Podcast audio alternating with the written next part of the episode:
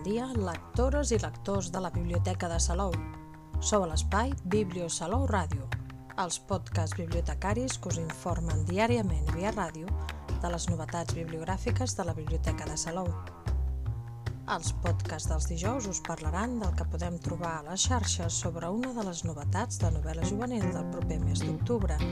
I avui, 15 de setembre, us presentem la novel·la La rosa falsa, de Jacob Vigelius. A la contraportada del llibre hi podeu llegir. M'heu demanat que escrigui tot el que sé de l'home anomenat Shederland Jack, i això és el que faré. Però la història d'en Shederland Jack no es va acabar quan van trobar el seu vaixell abandonat al port de Glasgow. I ara el destí d'en Jack ha esdevingut part del meu propi destí. Sobre això també hauré d'escriure, per molt difícil que em resulti. De vegades simplement voldria oblidar el llarg hivern que vaig viure a la casa d'Oswald Street i totes les coses dolentes que hi van passar. La vostra amiga Sally Jones. L'any 2018, l'escriptor suec Jacob Vigelius es va fer cèlebre al nostre país amb la traducció de la seva novel·la de misteri La mona de l'assassí, que seguia el camí de les novel·les juvenils del 19 de Jules Verne, Stevenson i Poe. La Rosa Falsa és la segona part independent on la narradora, la goril·la Sally Jones, la mona muda i escriptora, que és el primer plat de totes les aventures, i el capità Cosquela hauran d'aclarir la història d'en Shederland Jack lectura de la Rosa Falsa pot fer-se sense la necessitat d'haver llegit abans La mona de l'assassí. A la Rosa Falsa l'autor ens mostra les mateixes i excel·lents credencials narratives a l'hora d'escriure i ens ofereix una història similar. En aquest cas, el capità i la seva mona troben un collaret de perles, esbrinen a qui pot pertànyer i decideixen tornar-li, fent gala d'un alt grau d'honestedat, cosa, però, que els durà complicacions extremes. Com més bonica és una joia, més cruel i trista acostuma a ser la seva història. Aquesta frase, extreta de la pàgina 172, descriu molt bé el camí tortuós que els depara la troballa, tan valuosa que té molts pretendents i provoca mil i una vicissituds.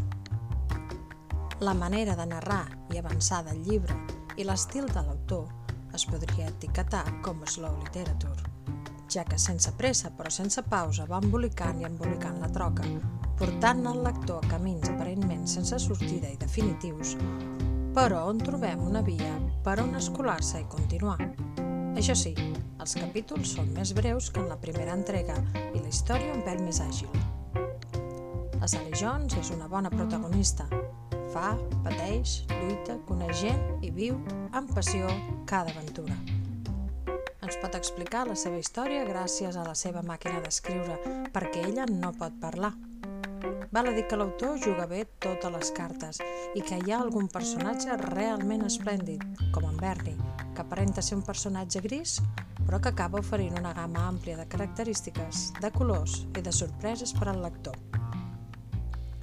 Els llibres de Vigelius estan plens d'humanitat. Les seves històries no en tenen d'edats, d'èpoques o de països i cultures, són internacionals i atemporals. Sally Jones no és perfecta, però és tan humana que costa no empatitzar amb ella i a través dels seus ulls veiem el millor i el pitjor de l'home. Per sort, l'autor sempre fa que acabi prevalent al costat més amable de la humanitat, encara que mai abans d'haver vist el més lleig de la nostra espècie. Sally Jones és una goril·la en un món creat a imatge i semblança de l'ésser humà, humans que solen veure-la com un brut animal o, en el millor dels casos, com un objecte sense sentiments. A la Rosa Falsa estem davant una autèntica novel·la d'aventures amb un punt de fantasia i imaginació. Molt recomanable, satisfà sobradament les expectatives creades. En resum, una història ben trebada, tot i les nombroses derivades i personatges que entren en joc. Sorpreses, girs inesperats, actors principals i secundaris ben construïts, alguns força inquietants, misèries humanes i també valors entrelligats en la vida mateixa, capítols curts que conviden a llegir i a continuar llegint, una novel·la de les que creen afició. La Rosa Falsa és un llibre publicat per Viena Edicions i pertany a la col·lecció El Jardí Secret de Viena. Té un total de 562 pàgines organitzades en 5 parts i un total de 75 capítols. A les primeres pàgines trobem diverses il·lustracions dels personatges i un avís. Cal destacar que totes les il·lustracions del llibre són del mateix autor. La Rosa Falsa és una novel·la recomanada per a lectors i lectores a partir de 14 anys. Jacob Vigelius és un escriptor i il·lustrador suec. Va estudiar literatura i filosofia i es va graduar a la Facultat d'Art i Disseny l'any 1996.